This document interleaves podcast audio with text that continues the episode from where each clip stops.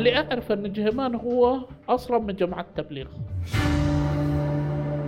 لكن ما جاءت قضية الحرم إلا وقد سافرت والحمد لله. إن جهيمان م- متمكنة منا فكرة واحدة اللي هي إن القيامة راح تقوم. المهدي طلع بما إن المهدي طلع لازم نروح من مكة بعد ما نبايع نروح للمدينة وبعد المدينة ن- نروح لفلسطين ونقتل اليهود. إذا قتلنا اليهود ننتهي من هذا نروح وين؟ للشام. ونصلي هناك بالشام وينزل عيسى ابن مريم وهذا. هذا ملخص فكرهم. هم خلاصيين أكثر منهم يفكرون بدولة واستراتيجية دولة إسلامية ولا كذا. كانوا سببا لسفك دماء بريئة من كل من المسلمين الذين كانوا في ذاك الحرم مهاجمين أو مدافعين أو مسالمين. اليوم وبعد مرور أربع عقود زال الغموض عن إجابات لأسئلة أحاطت بقصة اقتحام المسجد الحرام من قبل جيهمان وجماعته في نوفمبر 1979 كهوية رفاق جيهمان ومن ساعد في عملية الاقتحام وكيف تمت وماذا كانت التوجهات الفكرية لجيهمان لكن لا تزال هناك أسئلة أخرى. لا زالت بحاجة إلى مزيد من البحث والقراءة. منها كيف خرجت جماعة جهيمان واسمها الدقيق الجماعة السلفية المحتسبة إلى الوجود؟ وكيف نجح جهيمان في استقطاب العشرات معه؟ ومن جنسيات مختلفة بفكرة المهدوية. وماذا حدث لأفكار جهيمان وتحديدا في الثمانينات والتسعينات الميلادية؟ حيث برز ونشط التيار الصحوي في السعودية ومنطقة الخليج. أنا هدى الصالح وهذا برنامج جماعات.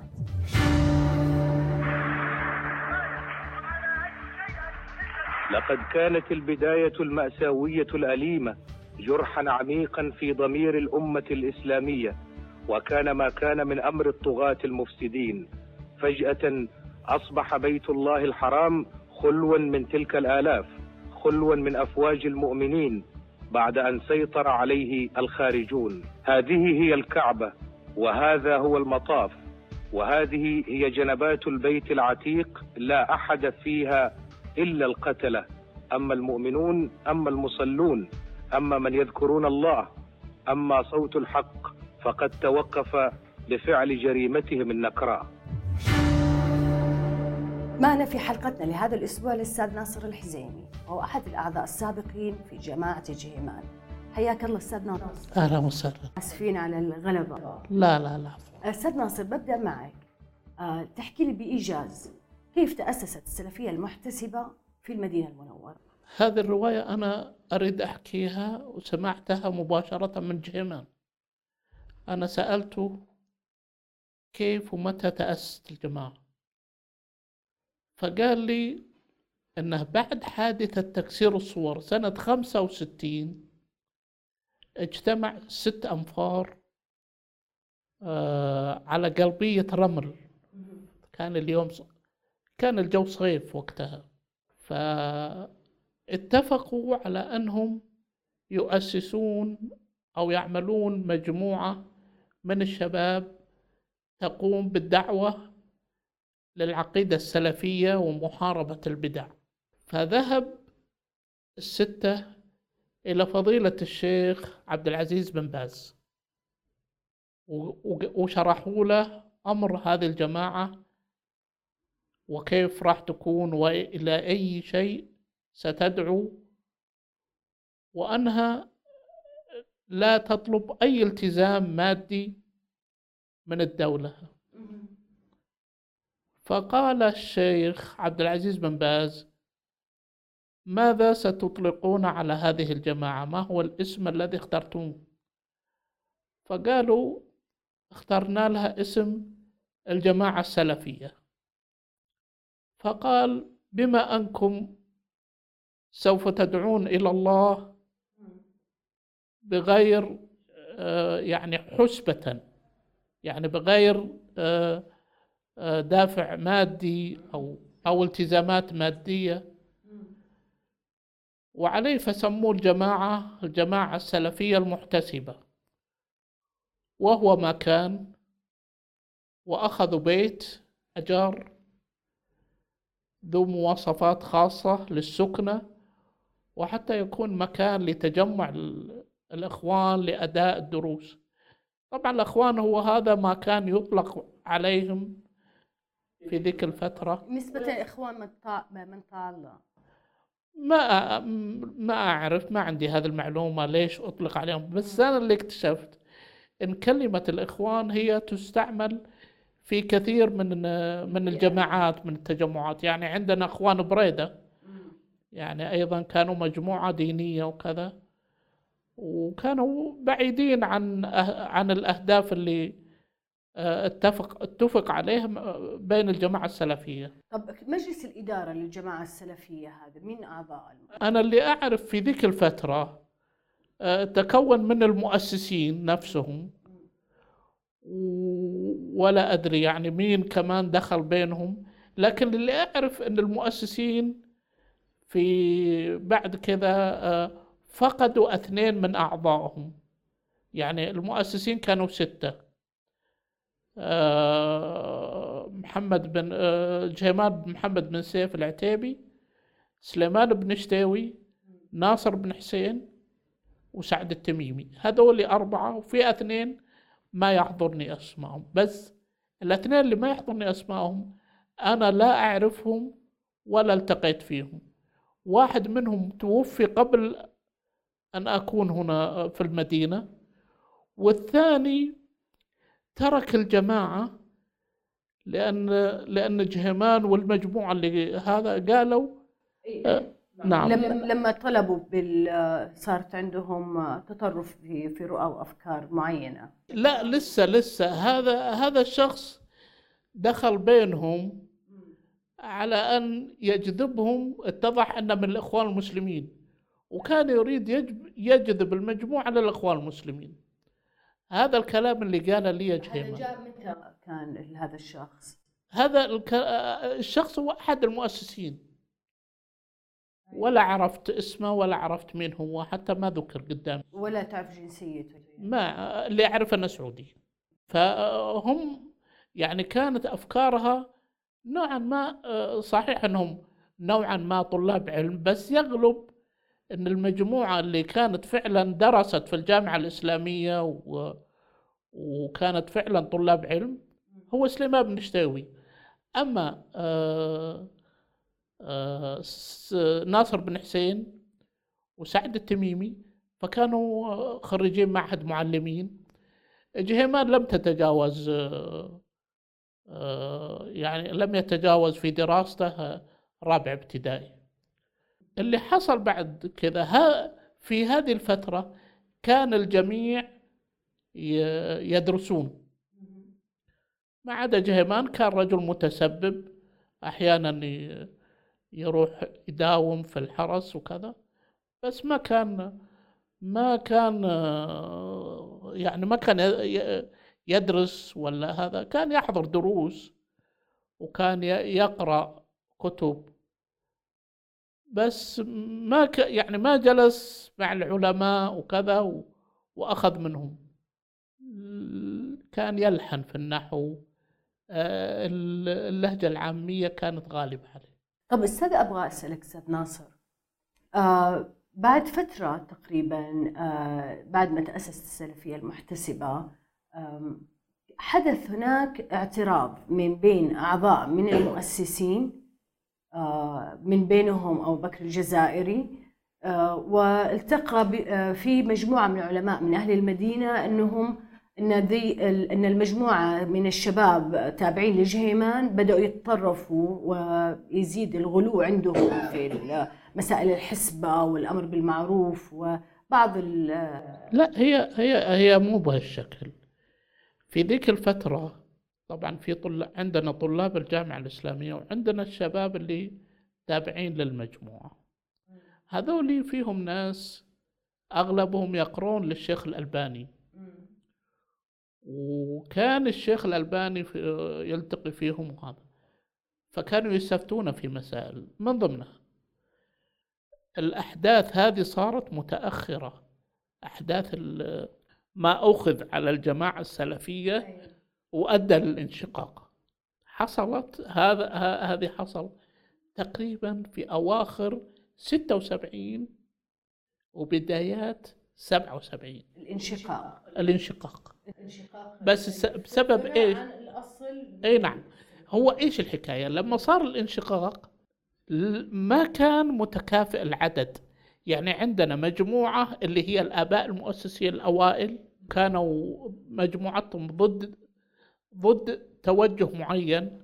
وعندنا مجموعة أبو بكر جابر الجزائري آه، ومجموعة المشايخ اللي كانوا يلومون أبو بكر جابر الجزائري بش- بصفته نائب مرشدهم نائب الشيخ عبد العزيز بن باز.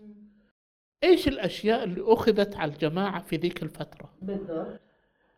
أخذ عليهم قضية إن بعض المنتسبين لهم يجون يصلون في الحرم بالنعال. أخذ عليهم في مسجد الجماعة سدوا المحراب وقالوا إنه بدعة. و... وسدوه ب أنا اللي أذكر إن انسد المحراب بدواليب ال- المصاحف. أيوه. الحاجة الثالثة قضية إنهم كانوا يأذنون أذان التثويب اللي هو الأذان الأول في الفجر في صلاة الفجر بالصلاة خير من النوم. يقولون في التثويب يعني في الأول. طبعا هذا ضد هذا مخالف لآراء مجموعة من العلماء أنه أن التثويب في الأذان الثاني.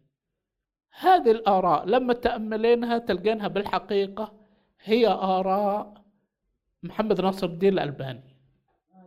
هذه آراء موجودة وعرفوها الشباب مبكرا واعتبروها بدعة وأصبحوا يدعون لها. فأخذ عليهم هذه الأشياء. اجتمعوا مجموعة وقالوا لازم يؤذن بالصلاة خير من النوم في الأذان الأول ولا ولازم المحراب يفتح. وهذا ما كان.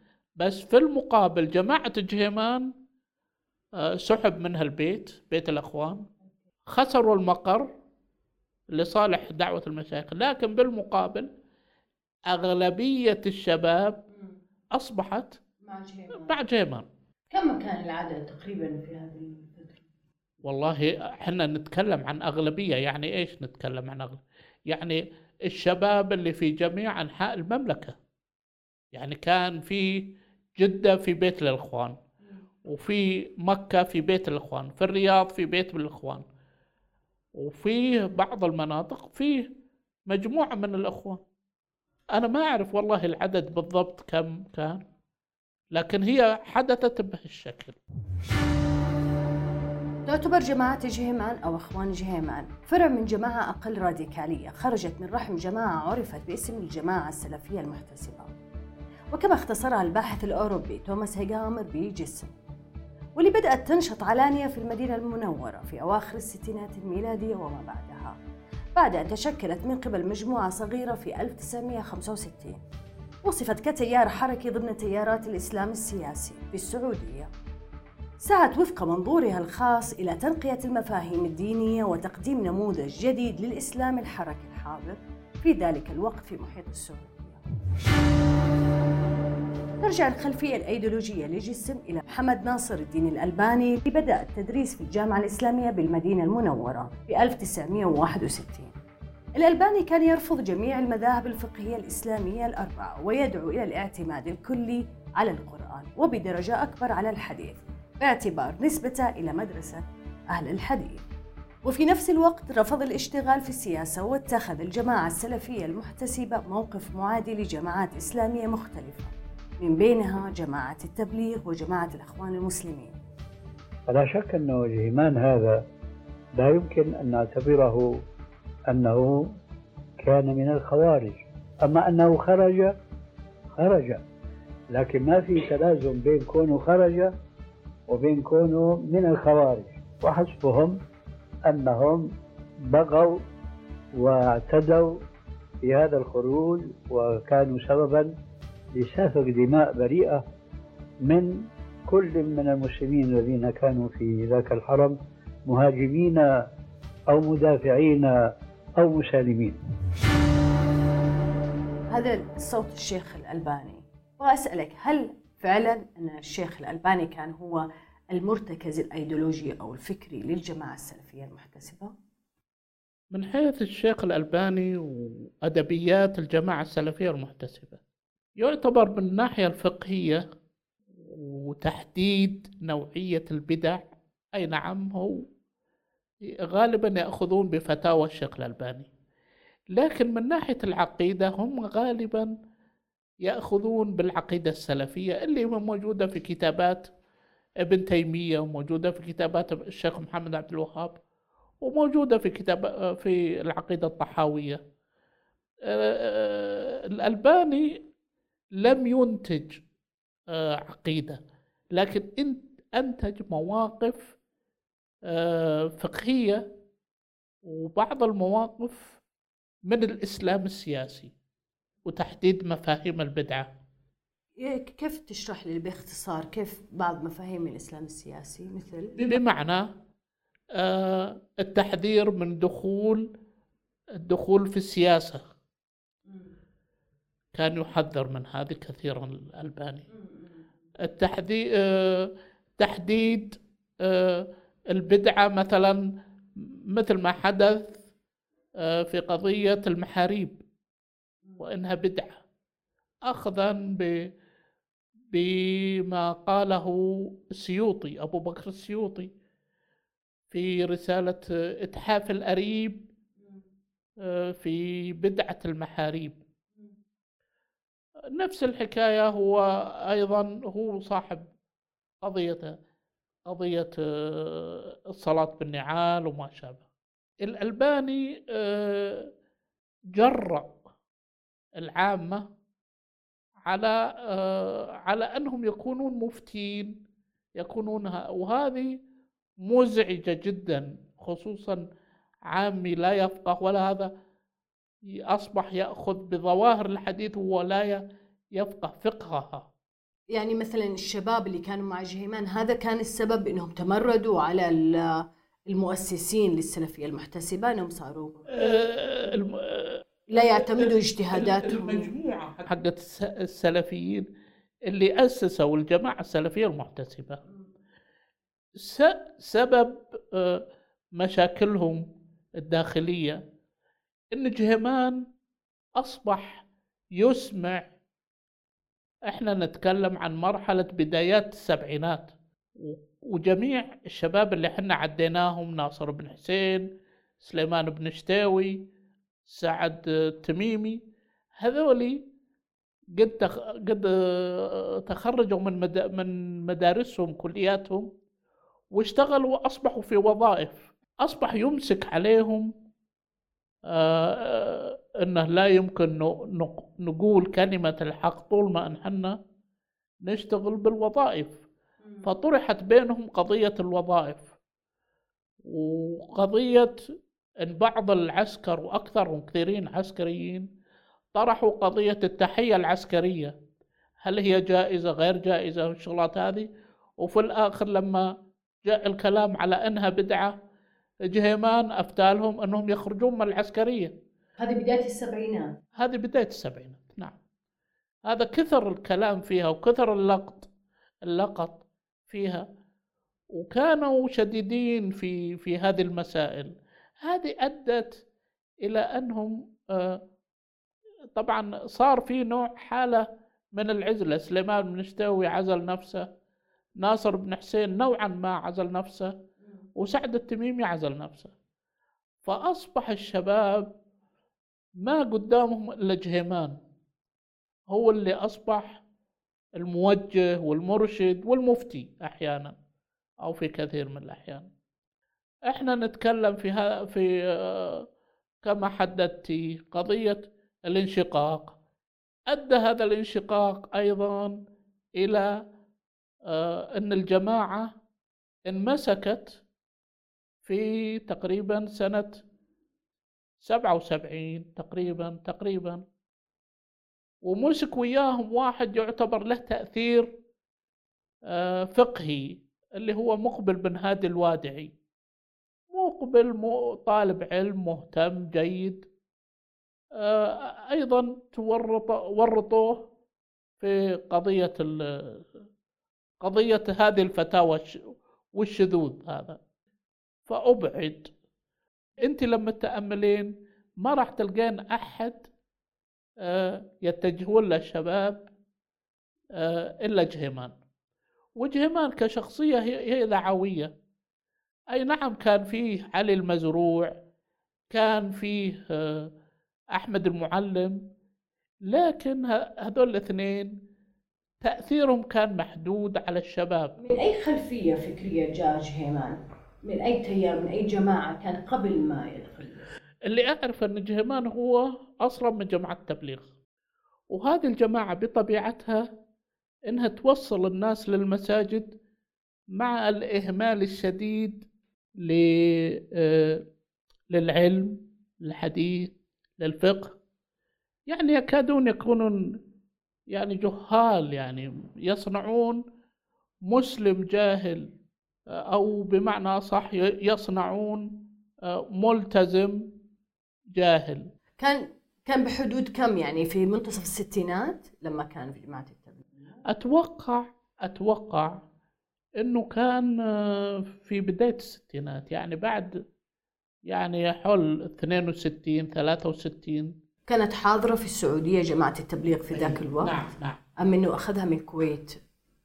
أخذوها ما أدري هم منين أخذوها صراحة.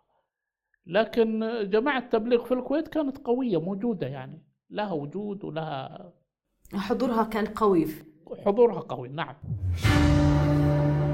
كان الدافع لتشكيل الجماعة السلفية المحتسبة والمعروفة بجسم بعد ما عرف بحادثة تكسير الصور واللي وقعت في سنة 1965 بعد ما قرر عدد من الدعاة أن من واجبهم إنكار المنكر باليد وفرض التمسك بالدين بالقوة في مناطق محددة من المدينة المنورة مما فرض تدخل الأجهزة الأمنية في حينه. بعد فترة وجيزة من هذه الحادثة قررت المجموعة تأسيس جماعة تشملهم باسم الجماعة السلفية المحتسبة. كانت تضم مجلس شورى من خمسة إلى ست أعضاء. كان أبو بكر الجزائري من ضمن المؤسسين. بعد ما تزايدت نشاطات جسم وجذبت أعداد إضافية في بداية السبعينات بدأوا في الاجتماع في مقر عرف باسم بيت الإخوان. في منطقة الحرة تقليدا لاسم إخوان من طاع الله. ومع مرور الوقت تم تأسيس الجسم التنظيمي للجماعة واستحدثت لجان مختلفة. برأس جهيمان إحداها. وافتتحت الجماعة لها عدة فروع في عدد من المدن السعودية. في البداية اتجهت جسم نحو الإصلاح الديني والأخلاق متجنبة الجانب السياسي وأسسوا روابط مع مدرسة أهل الحديث في باكستان من خلال بديع الدين السندي واللي كان مقيم حينها في مكة واعتمدت التفسير الحرفي للنصوص الدينية. بعد أن أزعجت ممارسات جسم اللي اعتبرت غير مألوفة لدى بعض علماء المدينة وتوسط مقبل هادي الوادعي اللي كان ضمن أعضاء جماعة السلفية المحتسبة لحل الخلاف مع التيار الراديكالي في داخل الجماعة واللي تزعم جهيمان. انشقت جماعة جسم بعد ما وقع تصادم بين أبو بكر الجزائري والقياديون للجماعة وبين أخوان جهيمان. خلال اجتماع لهم في بيت الإخوان سنة 1977 وليصبح بذلك جهيمان اللي كان في الأربعينات من عمره زعيم لما تبقى من الجماعة السلفية المحتسبة والقائد لها. أستاذ ناصر هل ممكن نعتبر أن جماعة الجهيمان تجسد انشقاق أكثر راديكالية ضمن المحيط اللي كان فيه؟ أكيد. يعني يعني الجماعة لما كان فيه موجود سليمان بن شتاوي ناصر بن حسين آه، سعد التميمي وكان أيضا موجود أحمد المعلم وموجود علي المزروع. كانت الجماعة أكثر اعتدالا وأكثر آه، يعني آه، إخلاصا للدعوة الحقيقية المنصفة الوسطية. لكن تفرد جهيمان بالقرار بعد كذا بعد ما خرج خرجت هذه المجموعة المؤثرة تفرد جهيمان بالقرار وأصبح ينتج مجموعات متطرفة متطرفة لا من ناحية الفقه ولا من ناحية الرؤية ولا من ناحية الاندفاع والحماس. طب أستاذ مقبل الوادعي كان هو بالفعل يعني الوسيط ما بين مجموعة الأعضاء المؤسسين المشايخ المعروفين وبين الجهيمان أنا ما أعرف ما أعرف ما أعرف هذه المعلومة لكن أنا أعرف عكسها. يعني يعني مقبل لو كان هو وسيط ما تعرض إلى آه، عقاب الإبداء الإبعاد عن المملكة. هو ضمن المجموعة العشرين اللي سجنوا من الجماعة السلفية اللي هذا هذا الاعتقال اللي تم في عشرين واحد تم في سنة سبعة وسبعين. وبعدين آه، كان كان مقبل يحضر رسالة الماجستير. وما أتمها ولا ناقشها. بوساطة الشيخ عبد العزيز بن باز لما أطلق سراحهم وعلى أساس كان مقبل من ضمن المجموع من ضمن الناس اللي راح يبعدون. لما أطلق سراحة تكلم الشيخ عبد العزيز أنه يسمح والله يناقش الرسالة. وفعلا هذا ما تم سمحوا له إلى أن ناقش الرسالة وبعدين سافر. أي. طيب أبغى نسمع مع بعض مقطع. هناك من. من يشيع أنكم كنتم الأب الروحي لجهيمان وأنكم كنتم من المحرضين له على الفتنة في الحرم آه، فحبذا أن تجلوا عوار هذه المقالة يا إخوان أنريد أن نعمل الإسلام وأن تملأ الدعوة البلاد وتنتشر في جميع الآفاق ثم لا يتكلم الحسد لا يكون هذا. هذا أمر قد تكلمنا عليه في المخرج من الفتنة أننا في قضية الحرم كنت قد خرجت بسنة لعل ما قد انتهى أجلي وإلا حتى ولو لم أكن معهم نعم إنهم كانوا يدرسون عندي وكان وكنت أصحبهم وكانوا يعتبروني نعم يعني مفتيهم ونعم نخرج رحلات والحمد لله على أن فيهم أناسا مستفيدين. لكن ما جاءت قضية الحرم إلا وقد سافرت والحمد لله عندك ملاحظة أو عندك تعليق؟ على ذكر هل هو فعلا كان الأب الروحي اللي هو طبعا مقبل أكيد يعني رجل حافظ وهو فقيه فقيه المجموعة وكانوا لكن بالدرجة الأولى هم لا يخرجون عن فتاوى محمد ناصر الدين الألباني غالبا. إلا ما عدا فتوى كشف الوجه. هي فقط اللي اللي خالفوا فيها. يعني كان في منافسة بين الألباني والوادعي على لا ما كان في منافسة. الألباني الوادعي أيضا ينظر للألباني باحترام يعني. لأن الألباني أقدم وكان يدرسهم في الجامعة الإسلامية في دار الحديث. طبعا ما درس في الجامعة هو درس في دار الحديث وهو معهد. أما مقبل فكان الرجل طالب علم مبكر و... ولما جاهم كان مستقر عندهم. في الحرة الشرقية. أه وأكيد في الفتاوى الطارئة وفي الأشياء اللي تستجد رجل يفتي يعني. السبب في التوجه المقبل وعدم توجههم آه، علي المزروع. علي المزروع كان ظاهري المذهب ودائما الظاهرية عندهم نوع من نوع من الفتاوى الغريبة. بعكس مقبل اللي اللي يكاد يكون آه، يعني فتاوى صحيح أنها غالبا على ظاهر بس أكثر حرصا على روح الفتوى أكثر حرصا منه. لهذا هو اللي اللي فاز بانه يكون فعلا هو مفتي يعني. طب على ذكر أهل الحديث أستاذ ناصر إحنا بنشوف تيارات وشخصيات متناقضة في داخل هذه المدرسة آه، من حيث اتجاهاتها السياسية. فطبعا كلهم بينسبوا أنفسهم لأهل الحديث. نعم. عندنا مثلا المقدسي آه، اللي آه، هو مثلا أحد تلامذة الزرقاوي ينسب نفسه لمدرسة أهل الحديث وكذلك جهيمان. ومن جانب نجد تيار التيار الألباني.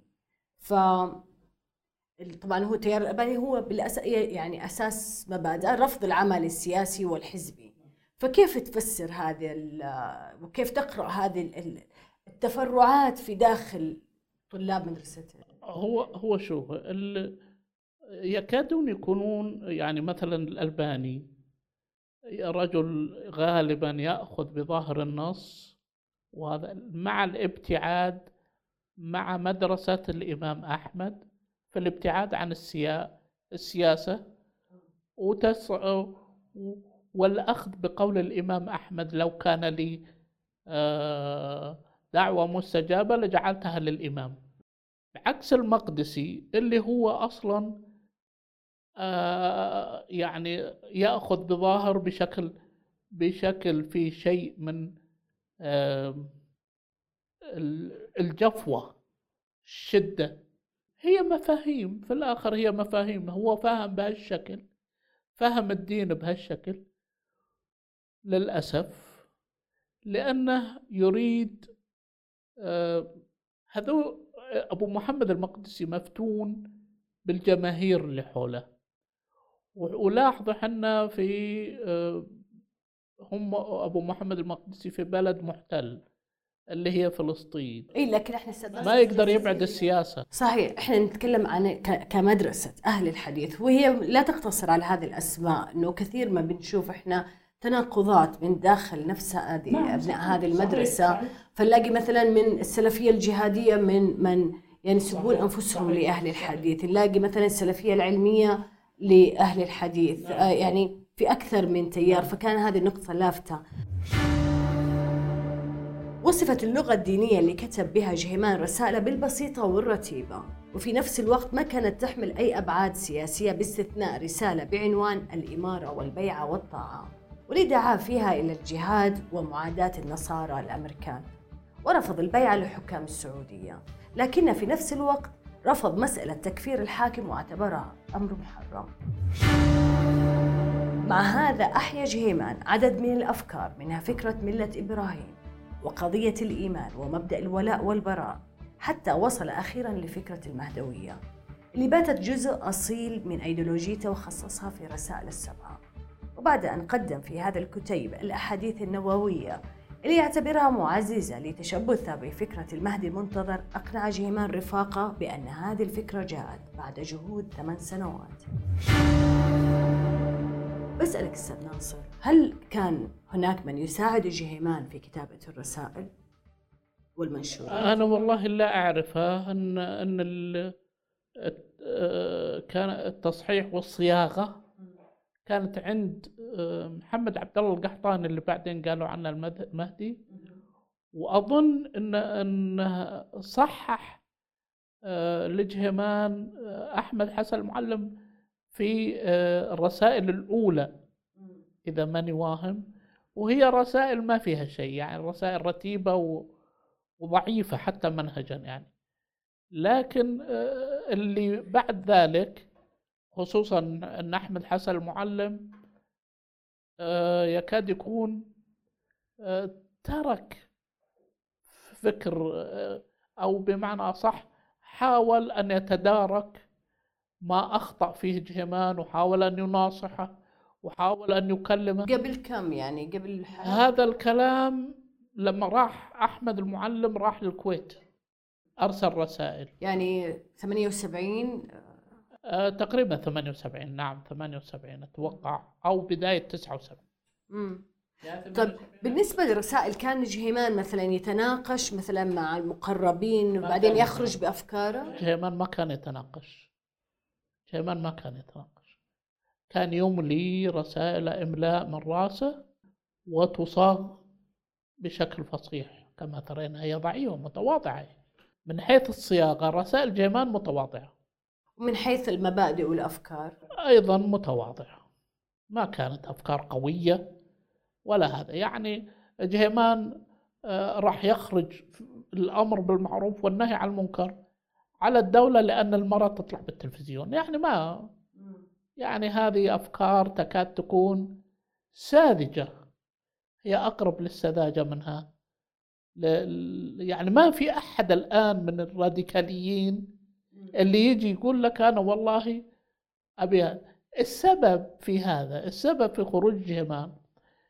إن جهيمان متمكنة منا فكرة واحدة اللي هي إن القيامة راح تقوم المهدي طلع وإن بما أن المهدي طلع لازم نروح من مكة بعد ما نبايع ونروح للمدينة. وبعد المدينة نروح لفلسطين ونقتل اليهود. إذا قتلنا اليهود ننتهي من هذا نروح وين؟ للشام. ونصلي هناك بالشام وينزل عيسى ابن مريم وهذا هذا ملخص. ملخص فكرهم. هم ما عندهم يعني كانوا آه، يعني آه، خلاصيين أكثر منهم يفكرون بدولة واستراتيجية دولة إسلامية ولا كذا.